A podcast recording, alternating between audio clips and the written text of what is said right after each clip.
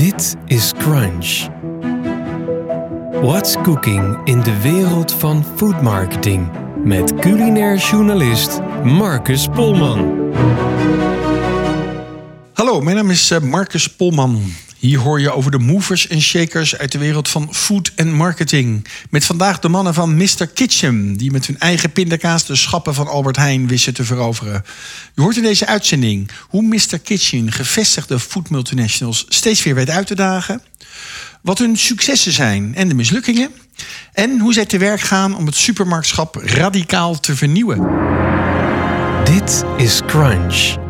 Daan Faber en Ico Sorko vormen samen met chefkok Maarten Hoekstra het trio Mr. Kitchen. Drie studievrienden met een voorliefde voor lekker eten. Ze reizen de wereld rond op zoek naar nieuwe smaken, vreemde ingrediënten en mooie foodverhalen. Maar ze maken ook eigen producten.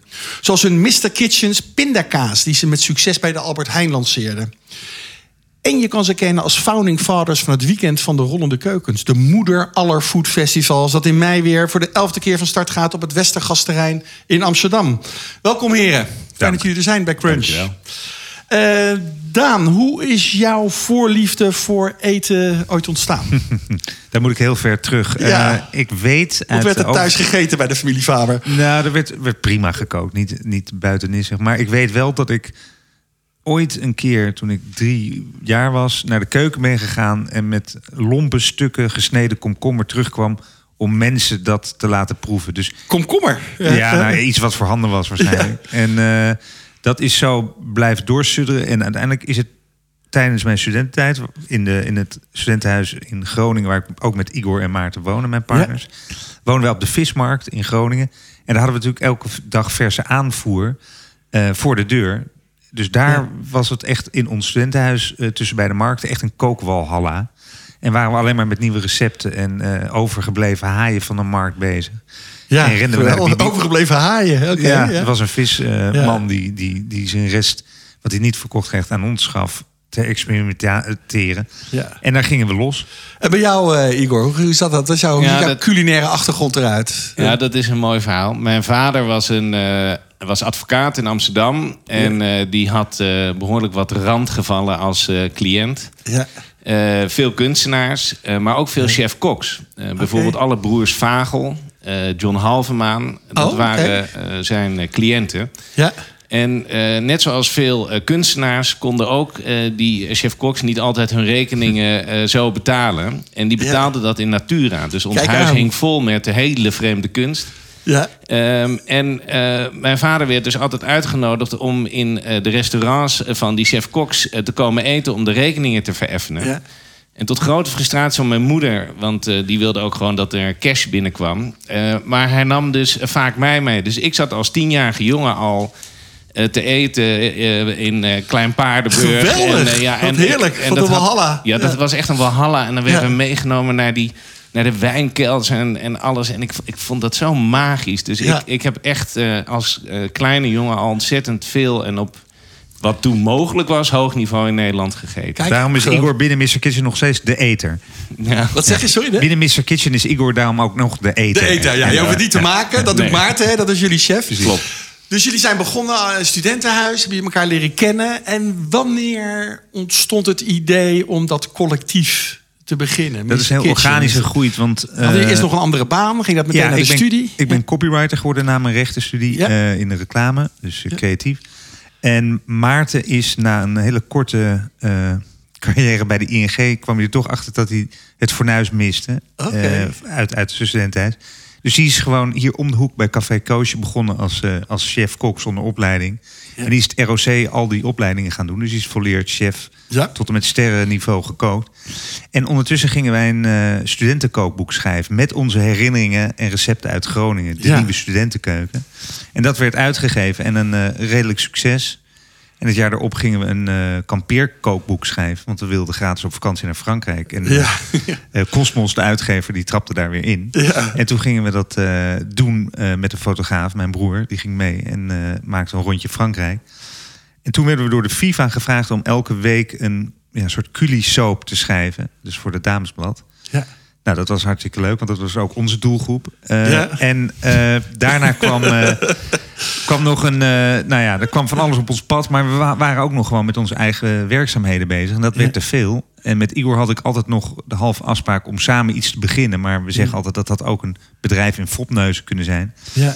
Maar die hele culinaire paraplu was zo breed eigenlijk eh, open te slaan... dat daar alles onder paste wat onze dromen Ja. eh, behelste. Dus we konden reclame maken, we konden boeken schrijven... we konden documentaires maken, televisie. Alles stond er Ja. op dat eerste bierveeltje Ja. eh, toen we met z'n drieën zaten. En toen dachten we, we gaan gewoon door.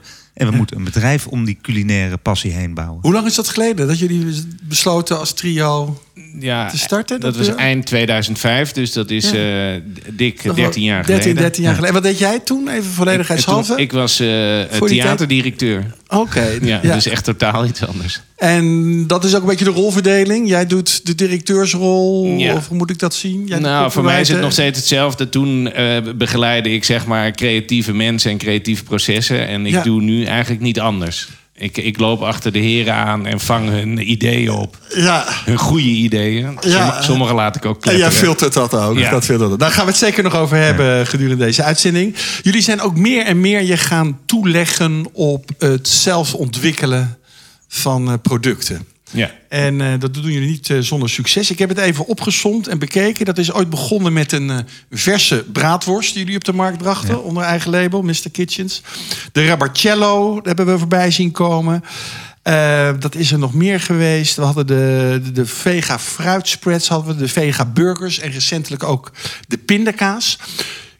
Eh, Wat is jullie best lopende product eigenlijk van deze opsomming? Wat Nou, doet dat- het, het dat is een beetje hoe je het volume, bekijkt. omzet? Ja. Dat is een beetje hoe je het bekijkt. En dan ga je, duik je meteen eh, de, zeg maar de terminologie van de supermarkt in. Ja, ja. Als je het op rotatie bekijkt, dat is een magisch woord in de supermarkt. Dat Ja. is hoeveel je Je per zegt het een beetje spottend lijkt wel. Nee, dat is ook Nou, een heel eng woord, want ja. daardoor word je ook, daar, daar word je letterlijk op afgerekend. Ja, hoe vaak wordt jouw product verkocht uit het schap gehaald? per winkel per eh, Ja. week. Dat Per is- smaak. Per smaak. Ja, dat ja, is gewoon het magische woord. Ja. Eh, en, dan kun, en je kunt natuurlijk ook op volume bekijken. Want sommige producten liggen maar in 200 eh, winkels. En sommige liggen in 800 winkels. Oké. En bij die 200 winkels kan de, de rotatie veel hoger zijn. Alleen die 800 winkels qua, kan qua omzet natuurlijk veel meer doen. Maar als je de, de rotatie lopen eigenlijk nog steeds de verse producten. Dus eh, de worst en de, de burgers, die lopen eh, het best. Want Ja. eh, dat vers heeft gewoon een hogere, Hoge rotatie per definitie. En Ja. mensen kopen soms wel één keer per week dat product. Ja. Eh, als je het in volume bekijkt, dan eh, zal dat zeker de pindakaas zeezout karamel zijn. Eh, want die ligt A in alle winkels van Albert Heijn. ja. Ehm, Echt en- letterlijk allemaal? De grote, de nou, kleine? misschien, Ja. ja, ik Ja. geloof eh, 900. en dat heeft een distributie, dat is dan het andere magische woord. Ja. Eh, van eh, zo'n 900, dan heb je bijna alle Albert Heijn. Volledige dekking heb je dan. Ja, en eh, en die, die, doet, ja, die verkoopt gewoon heel goed. ja, dat is jullie volumemaker, zeg maar. Daar doe je de meeste potjes van. Precies. Qua units, qua Precies, aantallen. ja, Precies. Ja.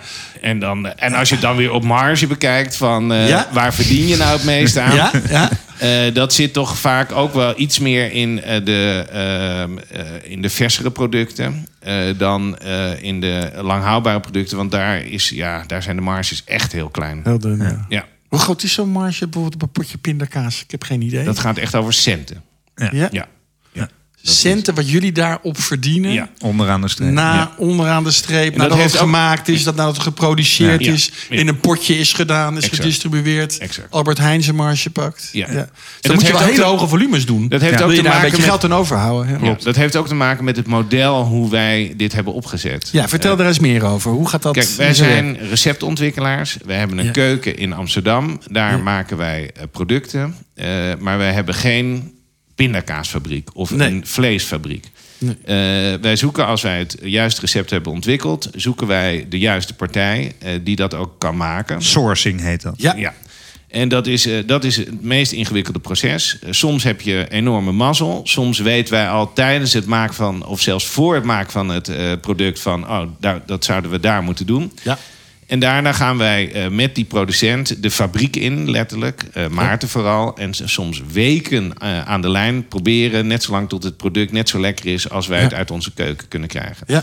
Maar dat betekent natuurlijk dat die producent daar ook aan moet verdienen. Ja. Daarnaast hebben wij, wij zijn maar een bedrijf van drie man. en we hebben dus ook nog een distributiepartner die het hele logistieke verhaal doet van, van producent naar warehouse naar Albert Heijn, zeg maar. Ja. Dus daar zit ook nog een partij weer tussen die daar ook aan moet verdienen. Dus eh, wij hebben gewoon veel schakels. Dat komt ook omdat wij ooit besloten hebben om nooit iemand in dienst te nemen. Nee. Dat hebben we ook nog steeds niet na 13 Nee. jaar.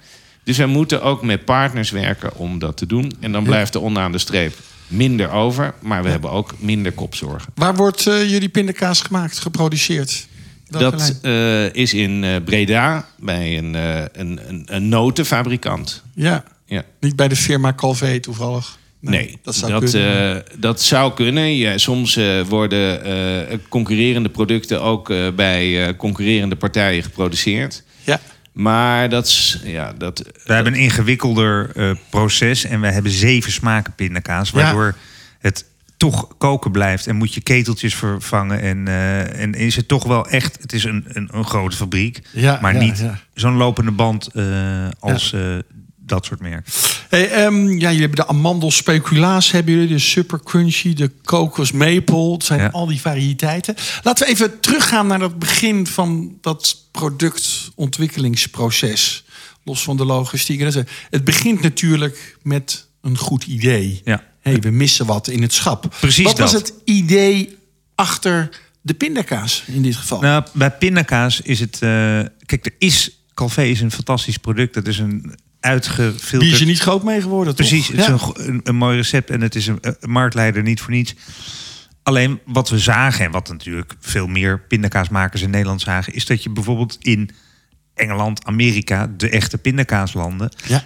Ook smaken had aan de pindakaas. En eh, dat is iets, nou ja, dat hoef je niet te missen, maar wij misten dat wel en Albert Heijn miste dat helemaal. Dus Ja. die had, het verhaal gaat dat ze dat al jaren geleden aan, aan, aan Calvé hadden gevraagd. Van, kom eens met de innovatie. En, en na tien jaar kwamen ze met een grotere pot. Dat was de innovatie Dat bij de firma Calvé. Ja, ja, ja. Wat, wat prima is. Alleen Ja. eh, zij stelden ons diezelfde uitdaging, omdat we ondertussen met een aantal producten bij Albert Heijn lagen. En wij namen die handschoen graag op. En Dus maar- dat is een verzoek van Albert Heijn, beluister ik. Van, Ja. Maak eens wat meer nou, een uitdaging. Ja. Ja, Het was gewoon Ja. een uitdaging. Kunnen jullie dat wel? En, en, en nou ja, Maarten is, eh, is binnen een half jaar kwam hij met zeven smaken. Ja. En een fabriek die dit ook nog kon realiseren. Hoe gaan jullie om met die smaken? Dat een heel belangrijk ingrediënt is natuurlijk van wat voor recept ontwikkelen, je, wat voor smaak.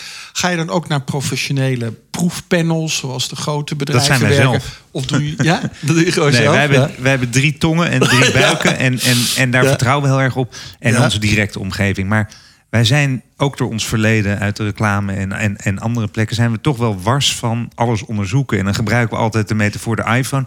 Die had je nooit kunnen onderzoeken. Wie mist er een iPhone? Als je die vraag Ja. had gesteld, was hij nooit op de markt gekomen. Ja, mensen kennen niet altijd, onderkennen niet altijd de behoeftes die ze sluimerend je hebben. moet iets, en dan zeggen we wel, je moet iets fucking lekkers maken. Ja, En mensen moeten proeven en er verliefd op worden of niet. ja. En dat is onze uitdaging altijd. Waarom liggen jullie eigenlijk exclusief bij Albert Heijn? Of lig je ook bij andere supermarkten? Nou, we liggen, niet, we liggen op dit moment exclusief bij Albert Heijn. Ja. Eh, dat, Is dat niet een keurslijf? Zou je niet willen dat naar de Jumbo, wil je niet een beetje Ja, groeien nou, naar andere partijen? dus- Of mag ah, dat niet van de firma? Jawel, er is Ja. nooit een contract getekend eh, over exclusiviteit. Eh, alleen zij hebben ons kans gegeven. Wij zijn met onze worsten zijn wij, eh, eh, toen er nog niks was, eh, toen zijn we bijna langs alle supermarkten wel gegaan. En iedereen, eh, wij zeiden van er is behoefte aan een, eh, een nieuw soort eh, worst. Er is alleen een varkens- en een runderbraadworst. Wij hebben met allemaal mooie smaken. We hebben een verhaal achter het vlees en het Ja? recept. Wat is het verhaal daarbij? Nou, daar was het zo. Wij vonden alle worst in de supermarkt eenheidsworst. En dat komt omdat er geen concurrentie in dat verse vleesvak is. En wij zagen ook in de landen om ons heen... Dat Sowieso weinig merken, denk ik. Hè? Helemaal Vers geen. Vlees. Wij waren Als je het daarbij eerste- stilstaat, wij- heb je dan een merk? Wij zijn het enige eh, nog steeds en het eerste eh, me- A-merk eh, in het vleeschap. Ja, ja. Terwijl je in, in Amerika had je boeren die hun eigen worsten maakten... die in de supermarkt lagen. In Engeland had je de Black Farmer met zijn worsten, et cetera. En dan zie je dus waar het vandaan komt. Dan zie je hoe het recept wordt gemaakt. Ja. En een worst is niet een, een, een, een stuk entrecote. Dat is gewoon een recept. En voor Ja. een recept heb je een kok nodig. Dus wij Ja. zeiden, wij maken worst met goed vlees van een boer of een boerenbedrijf of een vleesleverancier die we zelf bezocht hebben. Ja. En een recept van Maarten. Ja. En je kan goede worst kopen als je toevallig naast een goede slager woont. Maar in de supermarkt lag geen goede worst. En even terugkomend op Ja. die vraag waarom we bij Albert Heijn alleen liggen. Ja. Wij zijn dus wel langs alle supermarkten gegaan. Eh, maar iedereen zei, ja, maar we zien dit nog niet eens bij Albert Heijn liggen. Dus waarom zouden wij dat opnemen? Is dat de reactie dan? Nou, dat, Ja, was, ja. dat was de Als reactie. norm. Als ook, norm. bij, ook bij eh, Jumbo. Ja. En, eh, en Albert Heijn Daar heb zei... je wel mee gesproken. Igor. Ja, ja. En, eh, en Albert Heijn zei inderdaad... wij zien wat jullie ook zien, dus we gaan dat proberen. ja. En dat hebben ze tot nu toe met al onze producten gedaan. Dus ja, het, het, het zou voor ons ook nu niet heel slim zijn... om ergens anders te gaan liggen.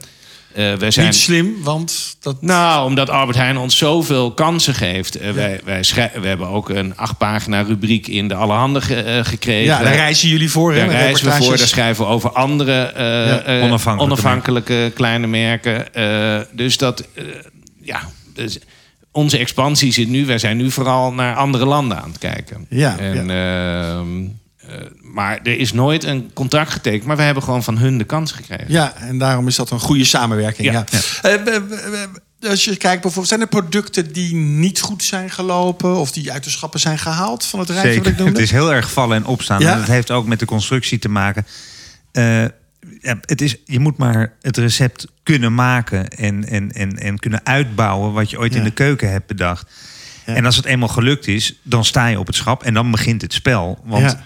Als je onderaan een schap staat en wij hebben niet de power als, als een Unilever om even een tv-campagne te Nee. voeren, moeten mensen je vinden. Ja, hoe doen jullie dat? Hoe pakken jullie je marketing bijvoorbeeld Social aan? media toch wel. Ja. Eh, en we hebben gelukkig heel veel fans. Mensen Ja. die ons ontdekken, die roepen het van de daken... zonder dat wij ze een, eh, een influencer fee of iets geven. We sturen Ja. het op. Dat is niet betaald. Nee, we betalen Zeg maar, nooit. nee. Nee. Nee. We geven producten weg. Ja. Mogen ze proeven. Soms sponsoren we iets met een paar potjes pindakaas. Dat kan een waterpolo-team zijn. Of het Nederlands hockeyteam. De Ja. dames die... kregen- Letterlijk, heb je dat Ja, gedaan? Die kregen een doos pindakaas. Mochten ze allemaal niet zeggen. Maar toen ze de, de EK-finale wonnen... stonden ze wel in pindakaas-shirt in het Cooldown Café. Dat was een moment of glory voor jou, neem ik aan. dat is marketeer. leuk. Daphne Schippers kreeg een pindakaas meten en die zei eh, tegen onze smaak. En ze Een hoeven- meter pindakaas is ja, het. Zeven een doorzichtige meter eh, pindakaas gemaakt. Nou ja, dat is natuurlijk heel erg Instagrammable, om het zo maar te zeggen. Ja. Die hebben we naar nou ja, de hele wereld overgestuurd. En dat komt dan terug. En wij zeggen ook, je hoeft er niks over te schrijven. Alleen als je het lekker vindt. Ja. Nou ja, onze producten zijn, vinden wij heel lekker. En, en zij vinden het ook. En dan krijg je daar nou ja, gratis aandacht voor. Ja. Maar terug naar de vraag wat het niet gehaald heeft... of wat, wat, wat Nee. gesneveld Nou, is. Wat, eh, wat dan, het is een moeilijk spel, dat soms geef je je- al aan. Ja. Soms ben je te vroeg ook met dingen. Dat eh, wij, eh, wij, wij zijn, suikerreductie is eh, voor ons in heel veel dingen een belangrijk onderdeel. Ja. Of onderwerp. En eh we hadden jams ontwikkeld. Jam is best wel moeilijk te maken zonder suiker. Omdat eh, suiker heeft zoveel functies in jam. Ja. Eh, en wij hadden eh, werkend met, eh met chiazaad zagen wij dat de, eh, met name de gelerende functie van suiker in jam, dat dat heel goed door chiazaad opgevangen kon worden.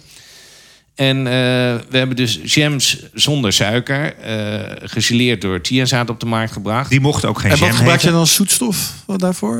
Eh, Daar hadden we stevia eh, Ja? gebruikt. Dus, eh, En de suiker gewoon uit het de fruit zelf. natuurlijke Ja, suikers dat uit het vonden wij eigenlijk al genoeg.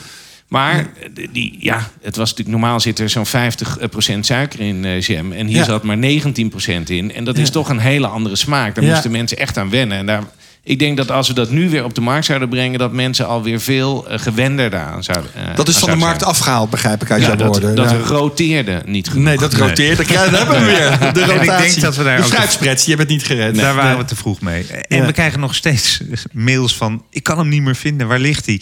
Ja. Eh, en er waren zelfs nog wat, wat restanten over, die lagen op kantoor. En mensen kwamen naar Amsterdam om een... eh, om een Maar ja, zoet potje. is lekker. Hè? We zijn natuurlijk allemaal geconditioneerd op zoet. En daarom is die hele discussie over suikerreductie natuurlijk ook zo lastig. En kunnen producenten dat wel alleen maar mondjesmaat, stap Nou, dat moet geleidelijk gaan. En dat, geleidelijk naar beneden brengen. Als dat lukt ook andere met zout. Weet je, dat lukt ook met zout. Je kan daaraan wennen.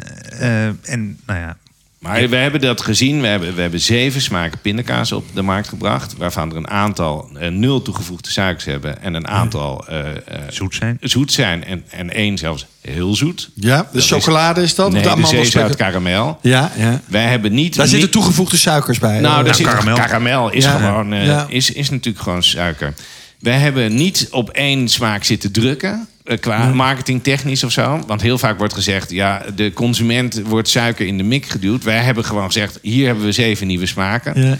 En die zeezout karamel die loopt gewoon by far het best. Ja, en, ja, eh, ja. Dus mensen zijn toch, ja, vinden zoet gewoon heerlijk. Ja, dat, dat, dat zie je natuurlijk ook in de repenwereld. Hè? Eh. Sea salt caramel is natuurlijk een beetje een hype eh, geworden. Ook nog, Zitten alle ja. smaken in alle winkels? Alle zeven? nee. Dat, dat is ook natuurlijk nog een lastige dat is ook discussie. een- een Als het gaat om rotatie. Hè? Nou, de distributie, dat is dus een ander verhaal. Daar zijn wij ook, wij, wij zijn daar de hele tijd met eh, Albert Heijn, eh, liggen wij daarbij in de clinch.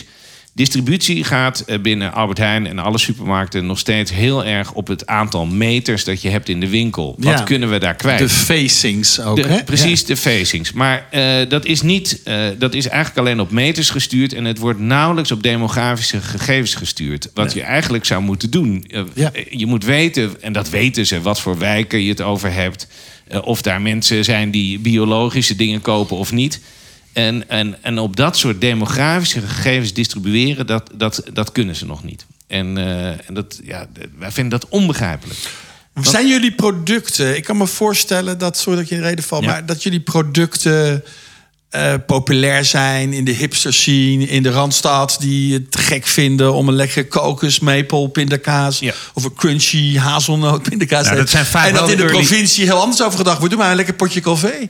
Hoe- Wat, wat zien jullie daar Dat zijn vaak natuurlijk wel de early adapters. En dat, Ja. dat is ook prima, maar we merken dat dat wel doorvloeit. Weet je? Dat, we zien ook supermarkten eh, in, in, in Limburg waar dat prima ook loopt. Ja. Het enige is, wij hebben wel, wij maken wel producten met betere recepten die daardoor ook vaak iets duur of die zijn altijd iets duurder dan de concurrentie. Ja. Dus dat is wel een heel belangrijk ding. Mensen in Nederland vinden wij betalen sowieso te weinig voor eten. Ja, Daar- kan je van alles vinden, ja. maar dat, dat kan ook niet uit. En daardoor gaat iedereen aan de onderkant van boer tot, tot kleine producent, die, die zit in het nauw. Ja.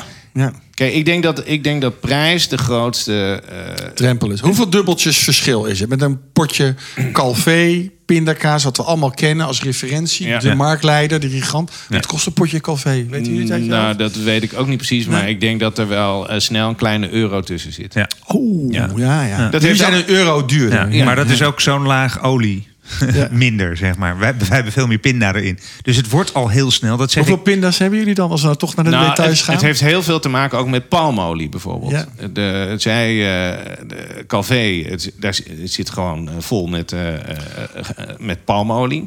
ja, En wij hebben daar plantaardige olie. Een plantaardige olie, maar Ja. heeft een groot probleem. Ik Ja. bedoel, het, eh, het, het, het wordt alleen palmolie, is, palmvet is alleen maar te winnen eh, eh, rond de Evenaar. En, en Daar groeit toevallig ook regenwoud. regenwoud. Dus, dus het neemt enorme stukken regenwoud weg.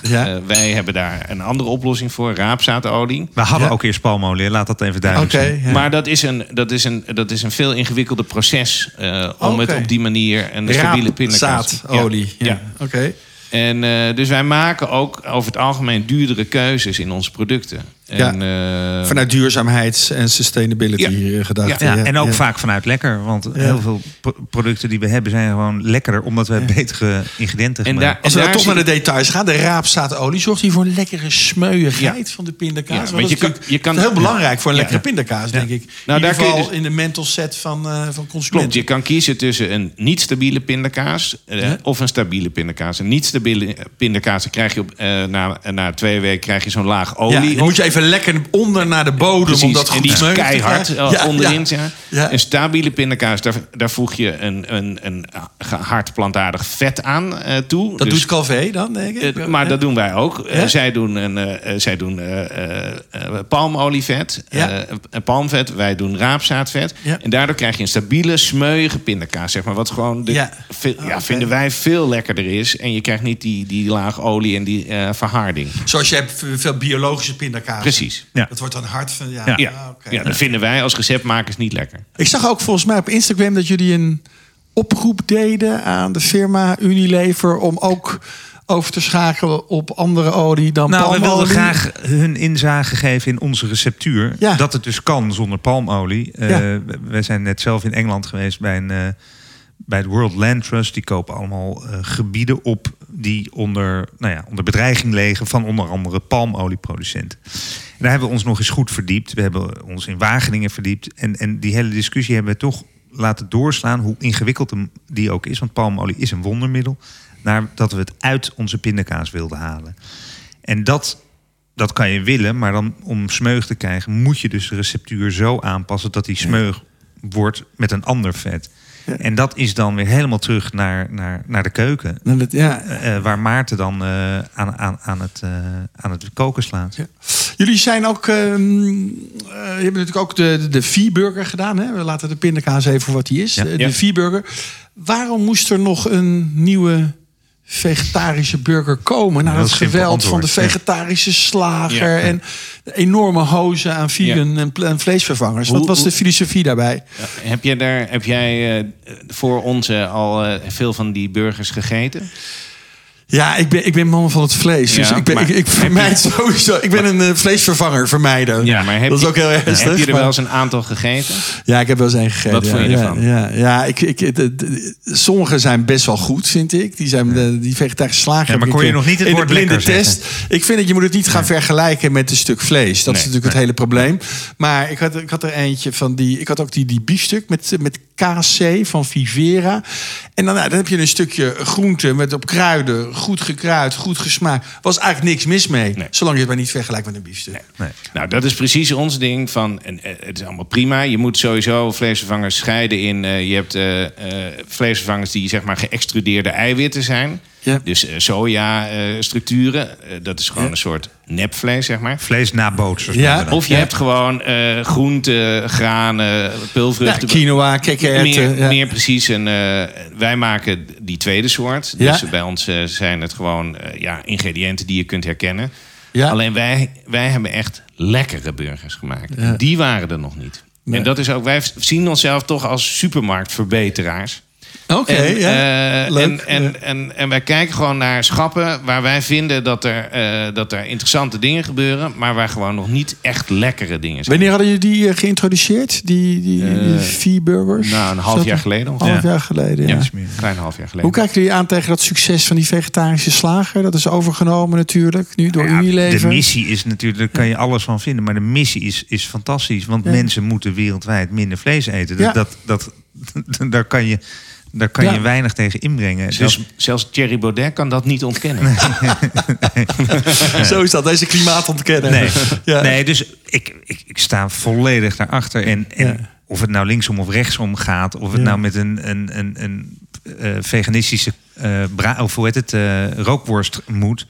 Die hoeft niet lekker te zijn. Maar als het lukt en aanslaat, dan, dan gaan we allemaal die kant op. Dus ik, Ja. ik, ik vind de vegetarische slager fantastisch. Ik vind niet zijn producten heel lekker. Ja. Maar dat hoeft helemaal niet. Is het voor jullie ook als business case een, een, een droom om na te jagen? Een voorbeeld, een inspirator? Vegetarische slager? Nou, wij Zeggen zien... wij dat je ook wel zo ver willen komen met ons product? Ja. En het verkopen aan een grote partij die het Nou, naar een next level brengt? Ja. Ja, de exit-strategie zijn wij nog niet enorm mee bezig. Daar zijn we ook nog niet uit. Nee. Dat, eh, we hebben Er is net... nog meer rotatie, eh, Igor. Nou, dat en we hebben net het weekend van de rollende keukens aan onze kinderen overgedragen. En dat is Ja. ook een heel mooi exit-model. Ja. Ja. Dus, eh, dus misschien zit het wel in die hoek. De, wat, eh, ja, god, ik, ik, ik, wij zien onszelf iets anders. Wij, hij, eh, de vegetarische slager en vele andere merken opereren eigenlijk maar in één segment. Ja. Eh, Ja. Een heel duidelijk eh, schap. En wij opereren in eh, allerlei, allerlei Ja. verschillende schappen. En wij proberen eigenlijk meer een soort gids te worden in, eh, in, eh, voor de consument. supermarkt. In de supermarkt. Van als je een Mr. Kitchen product koopt, dan weet je in ieder geval dat er goed over nagedacht is. En dat Ja. het heel erg lekker is. Ja. Dus wij zien onszelf als een heel ander merk dan, eh, dan de merken eh, zo, die meer op één schap Zoals een vegetarische slager. Precies. ja. Dat is heel helder, heel helder. Ehm, Dat maakt het is- ook ingewikkeld hoor. Ik bedoel, Ja. wij, wij, wij hebben de wijsheid niet in pacht. En over tien jaar Ja. blijkt of deze strategie eh, lukt. Maar, je hebt natuurlijk minder kopzorgen rondom de hele logistiek en alles wat er achteraan komt. Want dat Ja. hebben jullie geoutsourced. Dus je. Nee, specialisme is echt aan het begin Ja. van een goed Ja. productidee Ja. en dat ontwikkelen. Ja. Eh, Is hier, zien jullie ook mogelijkheden in buitenlandse supermarkten met deze filosofie? Hoe werken jullie daar aan? Ja, ik ben nu eh, heel erg bezig met. eh, we hebben een focusland genomen. En eh, dat wilden we eigenlijk Engeland laten zijn. omdat daar toch wel consumenten zitten die, net zoals Nederlanders, vrij snel dingen oppikken. Ja. Maar door de hele Brexit eh, vonden wij dat toch ingewikkeld om daar te gaan starten nu. Ja. Dus wij hebben ons omgedraaid en wij zijn nu met Duitsland bezig. Oké. Hoe pakken jullie dat aan? Hoe, hoe Ja, we hebben eh? daar ook weer een partner in eh, die eh, kleinere eh, merken, eh, de export van kleinere merken begeleidt. Eh, dat heet ook Exportpartner, dat bedrijf. Ja. Eh, en zij, eh, gaan, zij ken, ze hebben een heel netwerk in eh, category managers van alle grote supermarkten in en ook kleine supermarkten in Duitsland. En dat is ook een kwestie gewoon van producten opsturen, cold calling, er langs gaan. Ik ben Ja. de afgelopen maanden, nou, ik weet niet hoeveel dagen op en neer Tot naar Duitsland, gegaan, tot Ja, diep in Duitsland. Om daar wat te doen? Om daar, we zijn nu vooral de pindakaas en de, de V-spread, onze sandwich spreads, aan het verkopen. Presentaties, laten proeven en Ja. eh, eh, marktanalyse laten zien. Zien hoe het in Nederland groeit. En dat er ook in Duitsland, wat helemaal geen pindakaasland is... maar dat eh, vooral de millennials op zoek naar goede proteïne... steeds meer pindakaas gaan eten. En dat daar een merk als Mr. Kitchen... eh, Ben je al binnen daar in een van de supermarkten? Zijn jullie al te koop Ja, we Mr. zijn- Kitchen in Duitsland? Nou, we, zijn een, we, zijn, we hebben een handtekening gezet bij een eh, kleinere supermarkt. En Ja. we zijn heel ver met eh, EDK. Dat is echt een, dat is de Albert Heijn van. Duitsland. Maar dan maal 10. Ja. Eh, om in een van hun regio's. En dan is zo'n regio is meteen even groot als heel Albert Heijn in Nederland. Qua aantal Ja. winkels. Ja. Eh, eh, en dan met name de Zuidwest. Dus dat is inderdaad het roergebied. eh, om daar eh, met onze pindakazen in eh, de supermarkt te komen. ja. En hoe ga je dat dan doen met promotie? Hoe word je dan bekend Ja. als. Mr. Kitchen? Influencers. In, Ja. Toch wel, ja? Ja, is dat je het keyword? eh, ja? ambassadeurs, Het eh, Duits vinden. voetbalteam gaan sponsoren met Nou, potten pindakaas. Of, uh, ja, Precies. Mannschaft. Nee, maar serieus, hoe, hoe doen, pakken jullie dat aan? Nou, dat, dat, daar heb je natuurlijk ook eh, bureaus die helpen. Je hebt daar ook bureaus die helpen om, eh, om kleinere merken te ondersteunen via, via social media, et cetera. Ja. En wij doen ook heel veel zelf. En we hebben natuurlijk heel veel content, omdat we zoveel recepten fotograferen en bedenken voor, met onze Ja. pindakaas en v-spread. Dus we hebben heel veel content al en het moet nog een vertaalslag krijgen. Ja. En we hopen dat we daar, eh, we hebben daar ook een bureau voor op het oog die heel erg in de food zit. Leuk, eh, die gewoon inschakelen. Maar ja, wij zullen daar ook geen tv-campagnes kunnen betalen. Nee, dus we natuurlijk. moeten het, eh, het, het- de gunfactor. Ja. Het grappige was dat die kleine supermarkt... die zag dat wat wij voor reportages voor eh, Albert Heijn maakten in de Alle Handen. En die zeiden meteen... kunnen jullie niet ook een reportage over pinda's en pindakaas maken in ons blad? Dus Ja. die vroegen dat gewoon. Ik bedoel, daar moet je normaal, eh, weet ik veel, 10.000 euro's voor betalen. Ja, en zij zeiden, ja. kunnen jullie alsjeblieft zo'n mooie reportage maken? Ja. Omdat we ook contentmakers zijn, Ja. is dat wel eh, handig. Wij hebben dit, eh, wij hebben, ik, ik heb voor mijn microfoon voor de serie Crunch ook andere independent, kleinere brands gehad. Van Ja. Tony Chocoloni tot en met Fishtails bijvoorbeeld van Ja, Bart van Olven.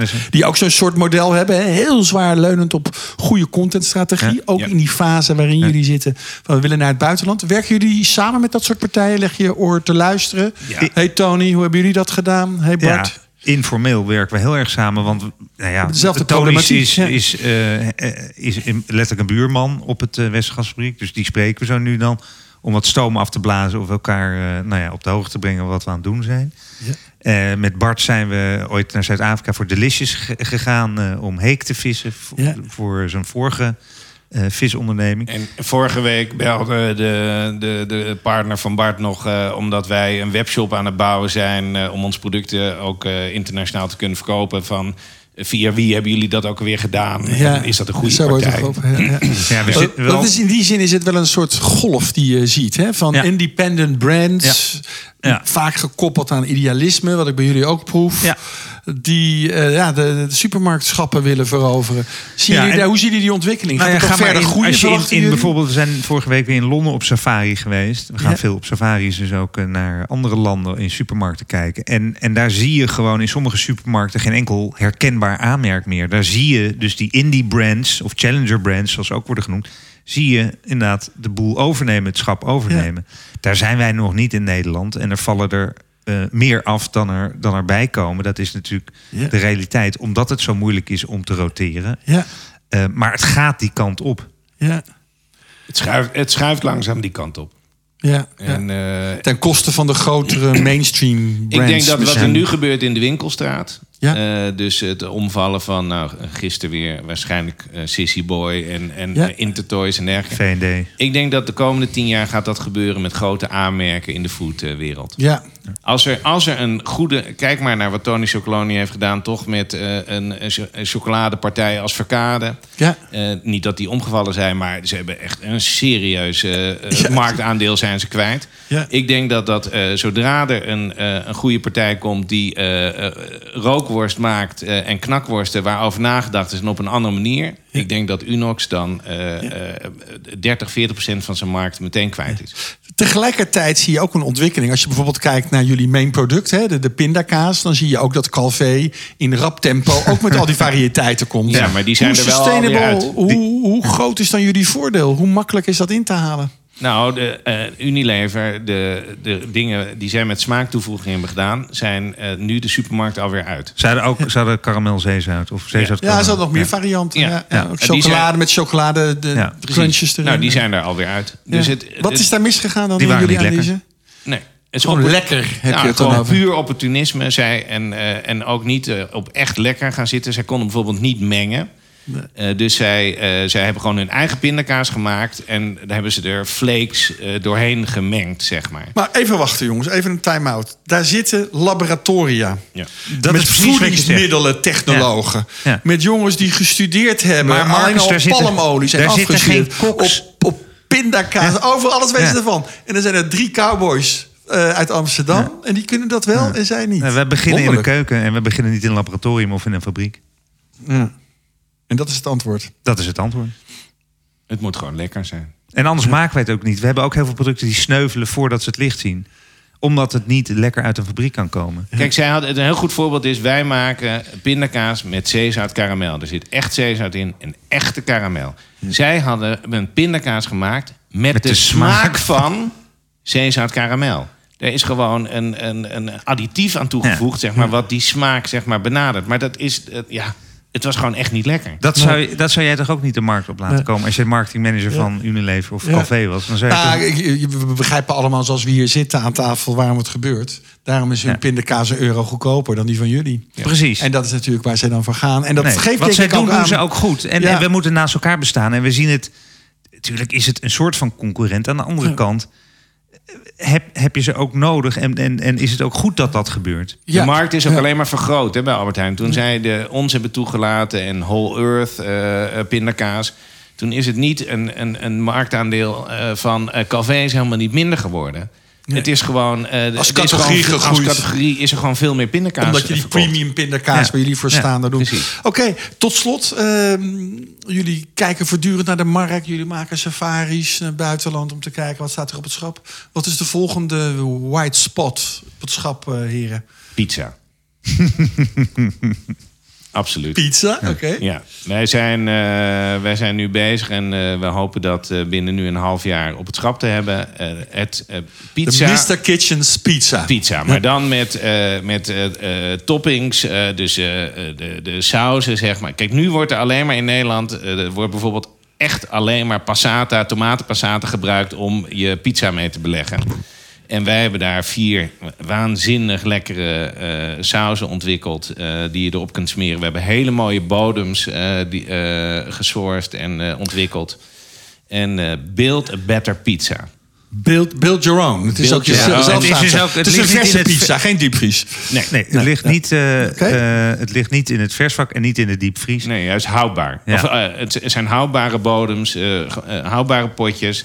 En je kunt gewoon dat, die kopen en nog wat verse dingen. En je bouwt een waanzinnige pizza. Volgens mij ken ik die wel al bij de, bij de Albert Heijn. ook. Dat je de bodem hebt en dan losse die zijn- componenten. nee, die zijn heb er je ook zeker. Ja, maar nog geen in de koeling. In de In de koeling. In de In de koeling. En die ja. zijn ook heel goed en daar gaan we ook helemaal eh, niet mee concurreren. Maar we gaan gewoon op het eh, houdbare schap eh, iets proberen. Mooie zuurdesem-bodems. Kijk, dus jullie zijn al lekker aan het kokkerellen daar op de Ja. Westergasterrein. Ja. Pizza bodems om te testen en Ja. allemaal passatas. Nou jongens, ik heb in jullie eh, lippen gehangen. Geweldig mooi verhaal. Eh, heel veel succes met de expansie van eh, Ja. deze independent Mogen we brand. over vijf jaar vertellen of het gelukt is? Ja, zeg, mag je weer terugkomen hier. Ja. Igor Daan, eh, dank jullie wel. Dank je. De Cringe Podcast is een co-productie van het PR-bureau in samenwerking met Marketing Tribune. Wil je een review achterlaten over deze uitzending? Laat dan je reactie achter op soundcloud.com, iTunes of Stitcher.com. Heb je een leuk idee voor een gast of wil je zelf in deze Cringe Podcast over een business case komen vertellen? Stuur dan een mail naar Marcus at het PR-bureau. Dit was Crunch voor vandaag. Keep on eating en graag tot een volgende keer.